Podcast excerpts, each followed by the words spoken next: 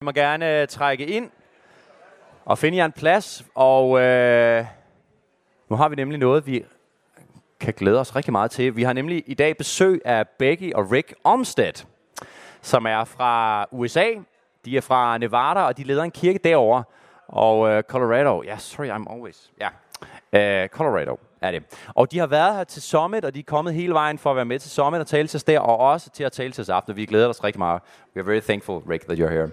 Og øh, de leder en kirke, som de selv plantede for 34 år siden, og de leder den stadig på omkring 2.000 mennesker. Ud fra den kirke har de plantet 15 andre kirker i det område. Det synes jeg altså er rimelig sejt. Så skal vi ikke starte med at give dem en hånd og sige tak, fordi I vil komme. Thank you so much.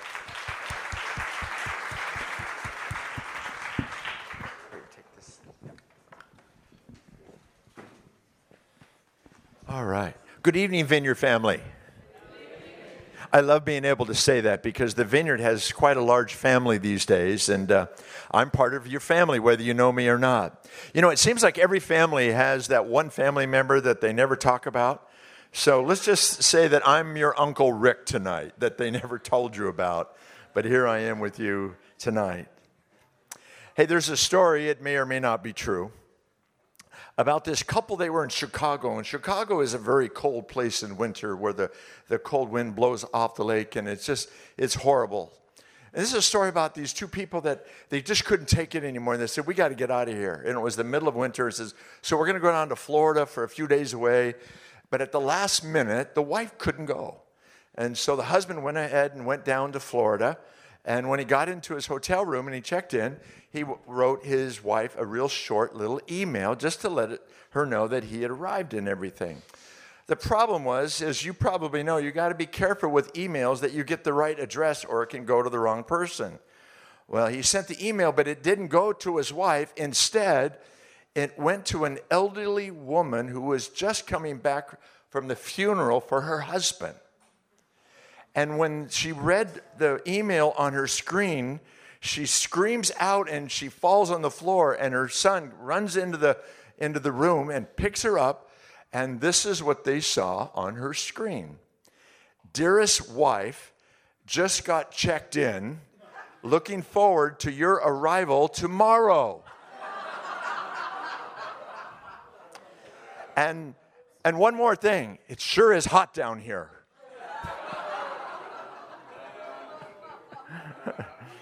So be careful with your emails because you're not sure it's going to go where you think it's, it's going to go.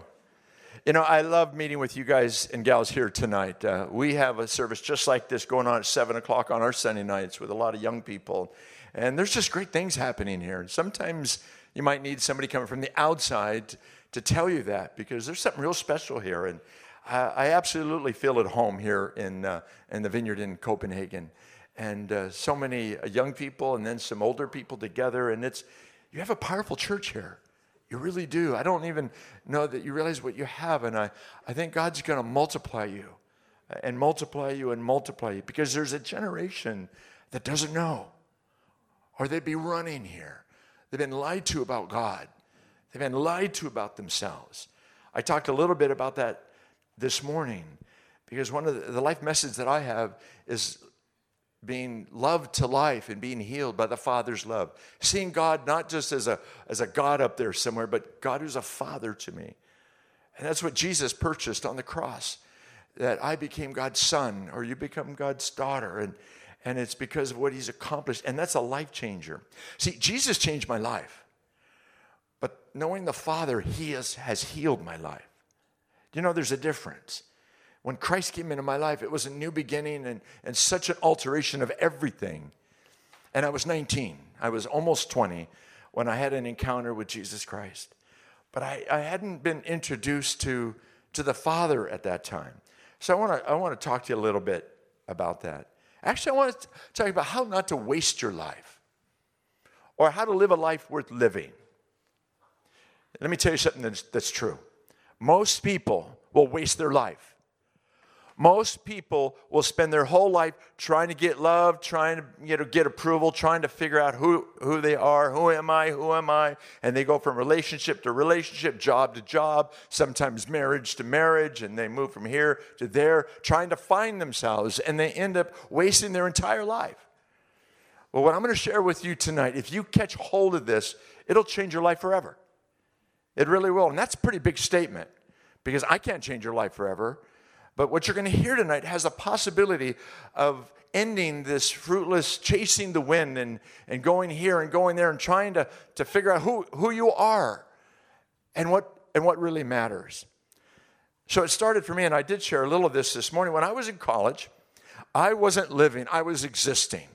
See, I grew up without a dad. And then I had a stepfather that was worse than no dad at all because my mom had an affair with a married man. And I, have a very, I had a very troubled uh, uh, youth growing up. I hardly went to school. I lived in the streets of Los Angeles, a very rough, rough place. And, and mom was out doing stuff, just trying to make enough money to keep us going.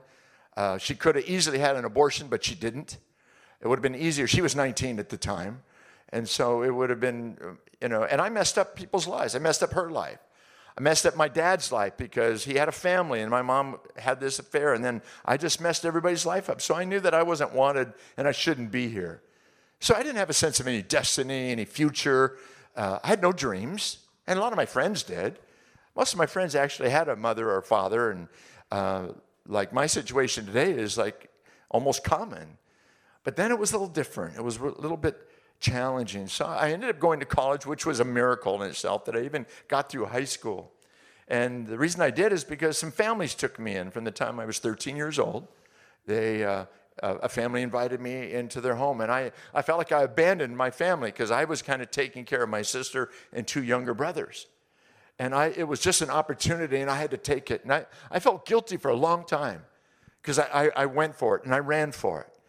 And this family that took me in really was rescuing me, but I didn't see that I needed rescued. It was just, you know, it was just something. Well, it changed my life. And then through my high school years, I lived with three different other families. They would move away, and another family would t- take me in. And, and then when I was in college, my second year, I had a moment where I was working my way through college in a classroom, a room not so much, very similar to this.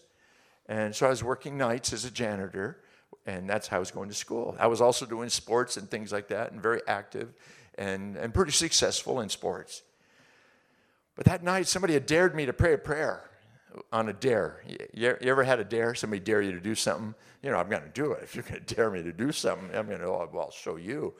And, but there was a man who was a Jewish man who had found his Messiah in Jesus. I didn't get that, but his brothers beat him up his um, wife divorced him, and they rejected him. They did a funeral for him, and he was completely an outcast. And I thought, how sad for to, to have this happen to you for something that's not true. To, for something that's not true. And, and yet he started telling me this, and he was the first Christian I'd ever met. The only person that ever was just, I, the first time I ever heard the name of Jesus outside of swearing. And my favorite swear word at the time was Jesus Christ. And I'm not proud of that, but it was. That was my, my favorite. When I was upset, it was Jesus Christ. And uh, I didn't know better. Well, he dared me to pray a prayer. And that prayer was something like God, if there is a God, and I don't believe there is, but if there is a God, and if you're up there, and Jesus is your son, and you have a plan for my life, show me. That was it. Well, I'd never prayed up to that time, not one prayer in my whole life. And so I didn't even know how to do it. But I said, you know what? Abe, his name was Abraham Snyder. I said, Abe, because of your story, I'll pray that prayer. But I want you to tell you, I want to tell you, Abe, I'm not buying this, and I, I don't, I'm not going to pretend like I see other Christians pretending to believe in something that's just not true. And so a couple days later, I was cleaning up a classroom, and I had prayed that prayer, and uh, it was in my broom closet. And it was, it was had to be the weirdest prayer ever. I think Gabriel would say, Hey, come here, God, look at Rick's uh, praying. Watch this. And uh, so my simple prayer was God, if there is a God, and if Jesus is your son, show me, and I'll give my life to you. And I had no faith or expectation of anything happening, but I did it because of the dare. Well, it was the next couple of days. I was cleaning the classroom and I turned around because I heard somebody come in the room, but there was nobody there. Now that was that was the early 70s, and I, you know, a lot of drug stuff going on. It's like, oh man, I'm losing it here. but there was nobody there, and I'm sensing a presence in the room, and that presence began to get stronger and stronger and stronger to the point I had my dust mop, and I'm holding on to my dust mop so I wouldn't fall down. It was, it, it was if I look back now, it's got to be the weirdest moment ever. And I have no idea what's happening. I don't even remember the prayer that I, that I had made. And in that next moment, my life was about to change forever. Forever. By the way, I think that's a good prayer to ask our friends to pray because I think God is fully able to reveal himself. So in that moment, I saw in, you know, as I was actually crying for the first time, and I thought, what's up with this? You don't survive in my neighborhood by crying. And all of a sudden, I'm, I'm weeping and I'm holding on to my dust mop and I'm feeling this presence. And I, in my mind's eye or something, I, I saw a picture of me when I was a, a little boy. And then I saw a picture of me when I went with this family and this family and this family. And the emotional part for me always to share this is at that moment, I heard a voice say, Rick, I have been with you all the days of your life. And my first thought was a little, yeah, right, sure you were. Where, where were you then? But it was happening so fast, and it was like that, that God, I, that Rick, I've been with you all the days of your life, and um, I want you to give your life to me. And then I had to almost stupidly awkwardly say, Well, who are you? Because I've not prayed, I don't know. And I said, Who are you? And he said, I'm Jesus. And I said, Oh, no. No, no. You're the swear, my favorite cuss word. Oh, no. And it was that moment I was broken. I was a puddle on the floor. I, I worked with a group of uh, very rowdy uh, guys. And um, and that was the last time I ever swore or used the name of Jesus like that. And my sins were forgiven. And I didn't know one Bible verse. I didn't know one thing. I just gave my life to Jesus. I didn't care about anything else. But I didn't know anything. I had gone, hadn't gone to church. Then I showed up at the church and they didn't know what to do with me. My mom had gotten religion, I thought, and she'd got a hold of Jesus and her life was changing. And that's what started this whole conversation with Abraham Snyder. But that was the beginning. You know, that was the beginning. And I, so when I was in college, that led up to this, I was, I was, I dated this girl, and we went on this date, and she asked me one of those horrible questions. She said, "Why do you live?" It's like, "Why do I what? Why do you live? Why are you alive? What's your purpose for being alive?" It's like I, I don't have one. And actually, and then I said, "I'm taking you home." I, I didn't go on a date for that kind of, you know, depth of conversation, but I couldn't get it out of my head. Why do I live? Why do I live? Why, why, why do I live? And, and uh, I don't know why I live. That's why when I met with Abraham Snyder, it's like, is this, is this why I live in, in all of this? So I went on that, on that journey. I said earlier, most people are going to waste their life. There's a guy named Solomon who was David's son, and he was considered to be the wisest man ever, but he was the richest man of his time, and he was the most powerful man. And if you can find it all apart from God or in the stuff that you have, it would have been Solomon. I want you to listen to these words. Because Solomon says this He says, I tried to find meaning by building huge homes for myself. You would think that Solomon is living in Copenhagen today, or certainly in the United States. I tried to find meaning by building huge homes for myself and by planting beautiful vineyards. I made gardens and parks and I, I filled them with all kinds of fruit trees. I built reservoirs to collect the water to irrigate my many flourishing groves. I'm reading from Ecclesiastes chapter 2, verse 4 through 11. I bought slaves, both men and women, and others were born into my household. I also own large herds and flocks, more than any of the kings who had lived in Jerusalem before me.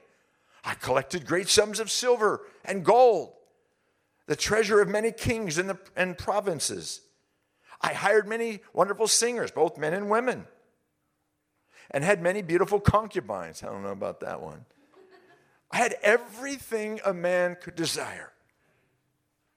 Everything a man could desire. So I became greater than all who had lived in Jerusalem before me. And my wisdom never failed me. You talk about somebody that's got it going and having everything. He said, anything I wanted, I would take. That's how powerful he was. I denied myself no pleasure. I even found great pleasure in hard work, a reward for all my labors. But listen to this. But as I looked at everything I had worked so hard to accomplish, it was meaningless. Like chasing the wind. There was nothing really worthwhile anywhere. Solomon had that moment that he said, I've wasted my life.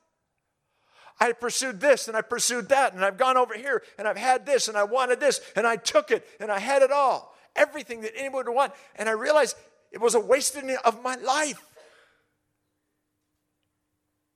And that was, that was what we're hearing here. This, he's saying, I've wasted it. I lived my life for what didn't matter. You know, and that's a heartbreak that, that, that I, God has and I have for this young generation, as well as those of us that are older. I think the worst thing that can happen is you grow older and you're 60 and 70 or 80, and you look back and you realize, I wasted my life. I lived for nothing. But most of you in this room tonight are young enough, you don't have to do that, but you can. You can chase the wind. You can try to pursue all these things to feel better about yourself, to feel complete, to feel whole, to feel like you're somebody. But you don't have to. You don't have to do that. You can come home tonight. You can get free tonight where you don't have to waste another second of your life, that you can know who you are and where you're going and what you're about. Anybody interested? Anybody interested? So Jesus one day came to the River Jordan. I've been to this very place. But Jesus came to the River Jordan and it was time for him to get baptized. And it was quite a, quite a deal because John saw Jesus come and said, Wait a minute, you need to baptize me. And they had this big argument. No, John, you baptize me. No, no, no, you baptize me. And they had this thing going back and forth because John just couldn't handle it. There's no way I'm going to baptize you. But that's what happens. So John did baptize Jesus. And in Matthew 3, verse 16, this is the account. As soon as Jesus was baptized, he went up out of the water, and at that moment, heaven opened. And he saw the Spirit of God descending like a dove and lighting on him. And a voice from heaven said, This is my Son, whom I love. With him I am well pleased. Those are three blessings. Those are three statements of affirmation and identity that was given and spoken over Jesus at that time. My first thought when I read this is why did Jesus need to hear this? Obviously, he knows that he's God's son. He knows that he's loved and, and that the Father is pleased with him. He lived to, to please the Father. And then there's the stepping back from it that if Jesus needed to receive that in his baptism, how much more that you and I need to receive that? And many of us, we've gotten baptized after we give our life to Christ. But that, that blessing, that affirmation of securing this, this piece of our identity sometimes hasn't been given to us. You see, you were meant to, God, the way God orchestrated it, is that we would be in families, that we would experience unconditional love for mom and dad. You might have to prove yourself to the whole world and, and the neighborhood and kids at school and people at work and, and whatever it is. You're going to have to prove yourself, but you don't have to prove yourself here because you're in. Because you're a son you're a daughter. And, you're, and you're unconditionally loved, accepted, and all the rest of it. But unfortunately, that hasn't happened to most of us. But that thing that we were supposed, that blessing that we were intended by God to receive in our family, and I didn't get it, and many of you didn't, and many of you, your, your, your family, your father or mother didn't know how to give it to you. But for one reason or another, it didn't, it didn't happen.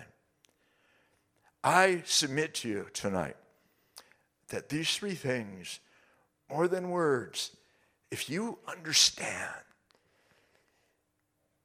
that God sees you as his son and daughter, and that's step one, but that he loves you, and that's step two, and then he's pleased with you. And then, so the first one is that God's not afraid to identify with you.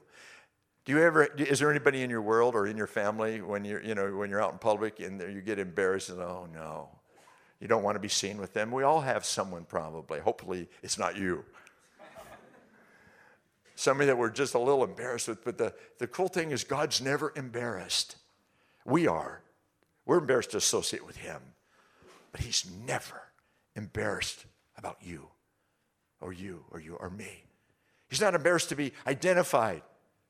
I remember one time our boys were in a, in a, store and they got, they got free. I have twin boys. And they, they, had, a, they had quite the engine and, and motor, and they were going everywhere. And, uh, and then you hear the, over the loudspeaker, would, the, would the parents of Jeffrey Olmsted please come to the front of the store? And then when you get to the front of the store, and the manager comes up and they says, is this, is this your child? And then there's that one moment of delay it's just, yeah, you know, I know what's going to happen. It's like, but what I want to ask a question first. What did he do? And then I'll tell you if he's mine. God doesn't do that. Is Rick Olmsted yours, God? Yep, he sure is. Well, do you know what he's done? Yep, I sure do. But he's mine. He's mine. He's mine. He's mine. That's step one then whom I love. That's a little, that's a little bigger. it's, it's one thing for God to identify with us that, that he accepts us. He identifies with us. All right, we're in. But a loved son, a loved daughter, that's a little harder to swallow. So why would he, why would God love me? You know, it's like, all right, I'm his son or daughter, but but I'm his beloved son. And so Jesus received this, whom I love, that, that had to go with it. You're not just a son, you're not just my child, you're a child that I love. Then the third one is the one that I've choked on. And in you I'm well pleased. Say, oh, no, no, we can't go there because to be pleased with somebody means they're behaving right. Have you ever heard somebody say, that's a good child? You ever heard that statement? That's, you, that's a good child. You know, the only good chi- children are the ones that act like adults. It's kind of sad. A child that doesn't act like a child is a good child. It's ridiculous. Absolutely ridiculous. But he's pleased with you, and this is where we're going to end it. I'm not, I got a ways to go. Is coming back to this that you belong to him, and he loves you, and he's pleased with you because you're his child. That you are his pleasure because you're his child. Now, he's not obviously pleased with all the things that we do, but it never changes how pleased he is to be our father and to have us as his sons and daughters. I don't know about you, but I don't know a mom and dad like that on the face of the earth. I don't know any place like that on the face of the earth. And everybody's chasing after this, whether you know it or not. We're chasing for love, acceptance. Who am I? Does anybody love me? Am I worth anything? Do I matter? Everybody wants to know that. You know, in dating, in relationship, it's I, I, I you know, do, do you love me? Will somebody love me? It's them, sometimes we sell our souls to get love. We'll do anything. We'll have sex with somebody. We'll, we'll do whatever. We'll do drugs. We'll do anything. We'll just, because we want somebody to love us. And for some, for some of us, it's like having a big for sale sign on you. And you're not for sale because you've already been purchased by the blood of Jesus Christ and you belong to Him. And there's nothing better than that. You know that? If you're here for the first night, you might be hearing something that you might shock you because we're not selling religion around here. Uh-uh. We're selling relationship and hope and future and forgiveness and life and freedom. And if the world around us here knew about this, they'd be running to get here. So let's look at that passage again. What kind of strikes me is that Jesus received the affirmation of his Father before his ministry even began. I want you to swallow that a minute. It doesn't quite fit. It seems like it's a great thing that, the, that you know, God the Father gave on Jesus at his baptism, but, but to say, You're my son and, and, and I love you and I'm pleased with you, it seemed like it should have happened later in heaven after he you know, after he walked on water and after he healed the leper and he opened blind eyes and deaf ears and, and after he went to the cross and was raised from the dead.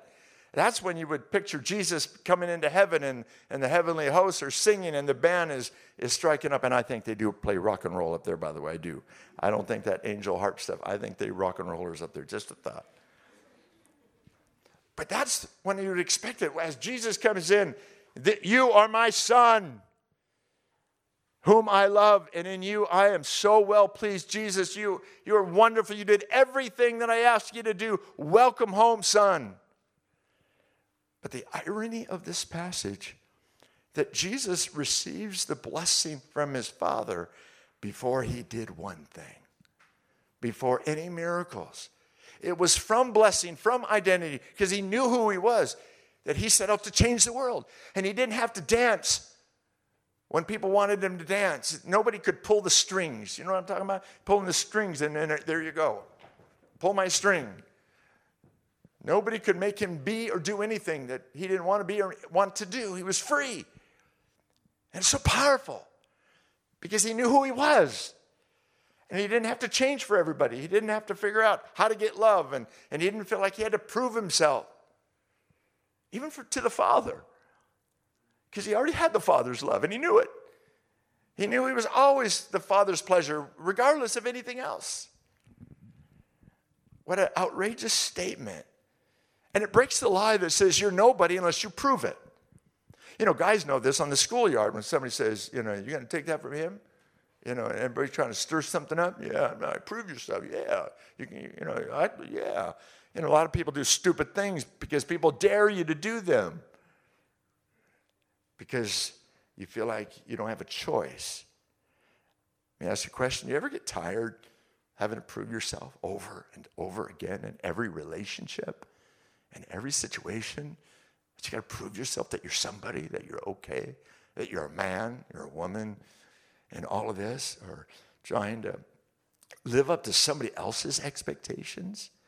You know, I, I like, I think uh, clothes are cool, but sometimes we think that we're okay because we have the right brand name that we're wearing or we're dressing the right way, or we're talking the right way, or we're, we're listening to the right music, and because we want to fit in, we want to belong, we want to be somebody, and so we want to find out what's in, and then we do that. And then, and sometimes, even in relationships, and we we do things and we give ourselves to things that we don't feel proud about, but we feel like we don't have any choices. Tired of climbing the endless ladder of success and you go to school, and then you go to school again, and then you get a job, and then it's, it's always more, more, more, more, more, more, and it's never you're, it's never enough. It's just never enough. There's no rest. There's no. It's just never enough. And forever chasing the wind. I think it's sad. So in the next chapter, in Matthew chapter four, something interesting happens, and I didn't see this for a long time. But Jesus was led into the wilderness by the Spirit of God. And there Satan confronted him. And I find it interesting that the very thing that God affirmed was the very thing that Satan challenged. Are you with me here? The very thing that the Father affirmed was now challenged, and that was his, his identity. And here's how it went. And it says, If you are the Son of God, because Satan heard it, if you are that, Tell these stones to become bread. Prove it. Prove it. Dance for me, Jesus. If you are God's son, then turn these stones to bread. Jesus answered, as written, man does not live on bread alone, but on every word that comes from the mouth of God. What I like about this, and, and I long for it, is the freedom that Jesus has. I'm not going to dance for you, devil. I'm just not going to do it. Now, if it had been me, I, I would have turned the whole mountain into a loaf of bread and shoved it up the devil's nose. I'm serious. I would have. I, you, you, you, don't, you don't think I can turn these stones? You don't think I can do this? You watch this. And right up his nose. I, I, I would, yeah, yeah, I'll show. Yeah, yeah, yeah. You don't think I can? Well, watch, watch this. I'll tell you what. Well, then there was a second time, which I find it interesting. The second challenge came on the cross. But Jesus also had a second time on the Mount of Transfiguration, if you recall. That when he went up there with Peter, James, and John, and, and while they were up there, the Father spoke, You are my Son, whom I love, and in you I'm well pleased. Said the same words again on the, on the mountain. Well, even on the cross, between two thieves, bloody, battered, brutalized, even at that point, the priests are still mocking him. You, verse uh, Matthew 27 40. You who are going to destroy the temple, right? You're on the cross, yeah. And build it in three days, save yourself. Listen to this. Come down from the cross if you are the Son of God. You get the proving it again? Prove it, prove it, prove it, prove it. Do something for me. Dance for me. Show me what you got. Now, and Jesus, he doesn't move. Now, you know, at that moment, you know, have you seen the movies? Man, I just want Jesus to pop off the cross, slap those guys upside their head, and then get back on the cross and do his business. That's what I would have done. I would have done that. I'm not free. I got a little. I got some. I got some work. I'm a work. I'm a piece of work. But I would have done that. I would have popped off that cross and smacked those guys down. Then I got. Then I would have went back up there and done what I need to do. You don't think I can come down off this cross and slap you down? You don't think I can do that? But Jesus didn't do it because he was free. He was free. He was free because he knew who he was. He knew that the Father had accepted him. He was loved by the Father, chosen by the Father. And the Father was already pleased with him, so he didn't have to do that. And that's why he could say, Father, this is the outrageous, forgive them. No, smack him. Smack him down. Don't forgive him. How much more is you going to take, Jesus? So he says, Father, forgive them. Because they don't get it. They don't know what they're doing. They do not know what they're doing. And it's like, wow, you talk about a picture of freedom. A picture of freedom. It's okay. It's a picture of freedom. So it's a picture of freedom. A picture of freedom. So it's okay. It's okay. Yeah. We'll, let's, we'll talk to you afterwards. We'll talk to you afterwards. We'll talk to you afterwards. The Father loves you. We'll talk to you afterwards. Listen a little more. So let's go back. Jesus' identity and his worth. Try not to be distracted if you can help it. His identity and his worth was not wrapped up or determined by other people. So, what about you? How do you determine your worth, your value, and what, and what it is that, that, that you're worth? That you are God's child, and He does love you.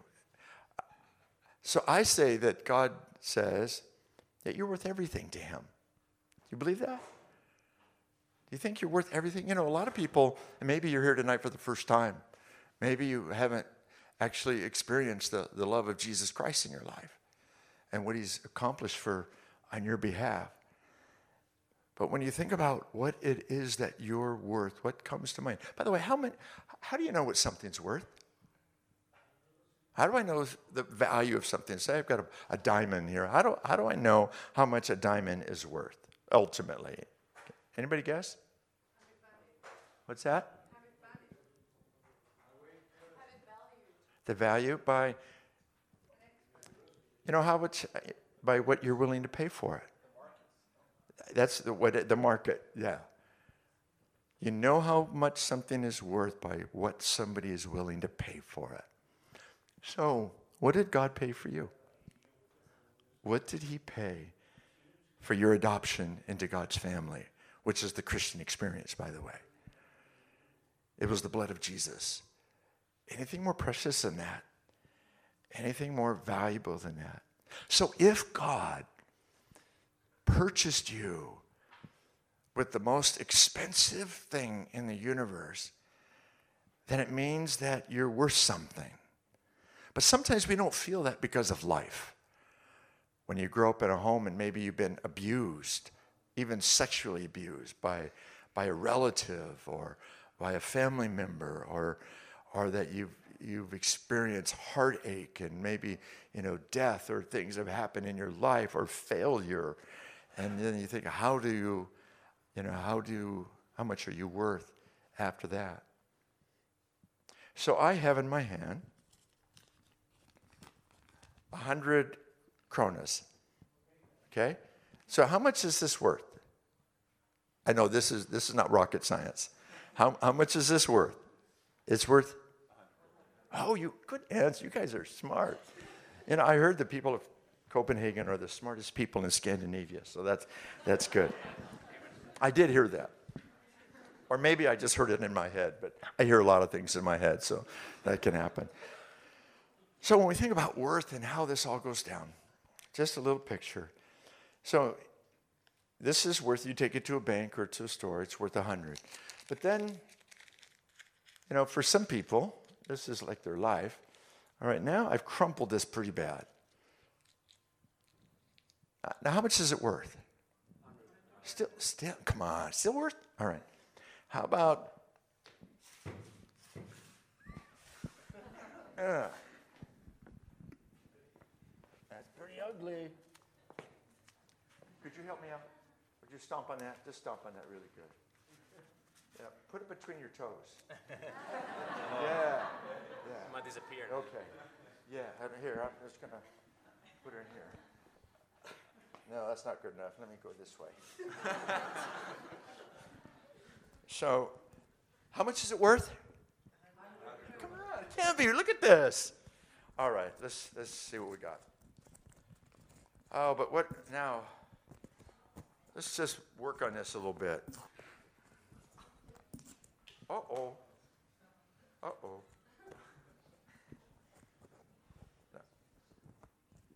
Now, how much is it worth now? It's been cut up, stepped on, and broken. It's still worth a hundred krona. Even when your life is reflected in what you just saw, your worth never changes. You are worth to God, regardless of what anybody else thinks or says. You will never be worth less than what you are worth tonight. When you receive Christ as your Savior, He forgives you of your sin. He adopts you into God's family, and you become a son and daughter of God, and that is your identity. And you don't have to prove it, and Satan will come against you. If you are, you are this, then prove it to me. Now, how many of you think this is actually worth a hundred? Anybody? I don't believe that. How, how, okay, if you really believe this, I'll give it to you. Who wants it? Did you get it? All right. No, I did know that even if you tear it, you can tape it back together and they'll cash it at a bank. But I wanted to give you a picture so we can get there, so we can get home from there. So um, I want to just here, say this scripture and we're going to pray. 1 John 3 1. Very simple verse, but really big, really big. And he says, See what great love the Father has lavished on us. That we, his, me, you, that we should be called the children of God. And that is what we are. I love that. We're, you're not a parishioner, you're not a congregant, you're not a church attendant, you know, attender. He didn't even look at you as a Christian. He doesn't. He didn't look at you as a Christian. You're a son and a daughter, and that's the gospel. That's the Christian message. And we're Christ followers, and we got the tag Christian, but it's not always helpful. And then you say, Well, what do I call him? Well, you call him dad. You call him dad because that's what you call dads. You call him dad because that's who he is. And that's who you are as his child. Amen?